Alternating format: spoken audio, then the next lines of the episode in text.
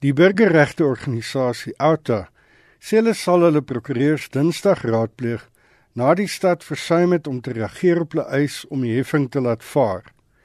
Outa glo die heffing is onwettig en wil hê die stad moet die nasionale departement van water en sanitasie dwing om water aan inwoners te verskaf. Outa se portefeuljebestuurder vir water, Julius Kleinhans, sê dis onaanvaarbaar om strawwe belastings te hef as daar alternatiewe is. Ons het 'n brief aan die burgemeester van Kaapstad gerig, 'n aanmaningsbrief wat daar dwing om vir ons natuurlik terugvoering te gee op ons vereistes voor die 29ste Desember.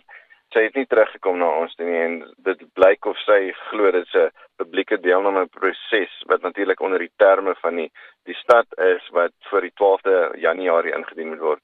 Uh, en dit is nie dit nie, dit is 'n regsbrief en weens hulle versuim het om terug te kom na ons toe, sal ons nou die volgende regstappe neem om die stad dan op terme te plaas en aksie te te neem sodat ons kan sien uh, dat hulle natuurlik verantwoordbaarheid verg.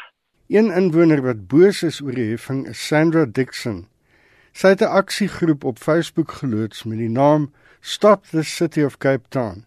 Daarin het sy 'n webblad met die naam Dear Cape Town geskep waar mense kommentaar kan lewer. Daar is al klaar meer as 11000 kommentare. Dixon sê ook sy wil sien dat die heffing afgeskaf word. Baie van die mense sê hulle het geld spandeer op Jojo tanks, op grijswaterstelsels, besparing. Hulle het gehoor gegee aan die vrae van die stad Kaapstad. Die dank wat die mense nou kry is, o, hierso is nog, gee vir ons nog geld. Dit maak net eenvoudig nie sin nie. Dit voel vir ons asof dit 'n 'n straf is ons word nou gestraf, maar ons het niks verkeerd gedoen nie. Dixon sê verbruikers word geteken sonder dat alternatiewe inkomstebronne gesoek word. Nog maniere hoe die stad Kaapstad wel geld in die hande kan kry, is deur munisipale bonds te verkoop.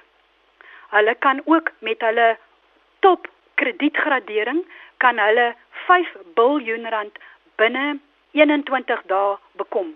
Ons voel dus dat hierdie watertekortoplossing 'n langtermynprobleem is. Die stad Kaapstad is paniekbevange en gryp nou na strooihalmpies en hulle probeer nou die naaste en die maklikste manier geld te bekom wat rentevry beskik, beskikbaar is vir hulle in die vorm van hierdie waterbelasting. Ek dink uh die regering as besig met bedrog Ek dink daar's baie dinge wat die regering kan doen vir mense wat wat wat wat dit kan bekostig soos ander mense ook. How is it possible that you can connect the amount of water that you use to your value of the property? I just think it doesn't make any sense. If they want to add a levy, they should add a levy on the amount of water that you use. Maar ander inwoners is ten gunste van die heffing. The people who can afford to live in sea points are able to pay it, and maybe it'll be a bit of a wake up call. I think it needs to happen, of course. Um, obviously, there will be some tolls to the families and to people of the country, but I think it, it needs to happen. I do support it. Dixon beskuldig die stad van onderduimsheid want die proses van openbare deelname vind oor die vakansieseisoen plaas terwyl baie mense weg is. Die burgemeesterskomitee lid vir water, Xanthia Limburg, het egter die proses verdedig the public participation process, despite it running during the festive period, it is also longer than the ordinary or usual public participation period process. The public comment period for the draft charge commenced on the 6th of December and closes on the 12th of January. There's also been extensive communication campaigns in respect to the drought charge.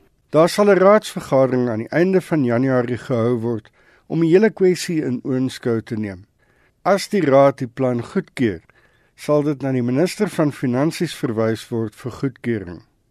Hierdie bydra van Chris Mabuya in Kaapstad en ek is Hendrik Martin vir SAK nuus.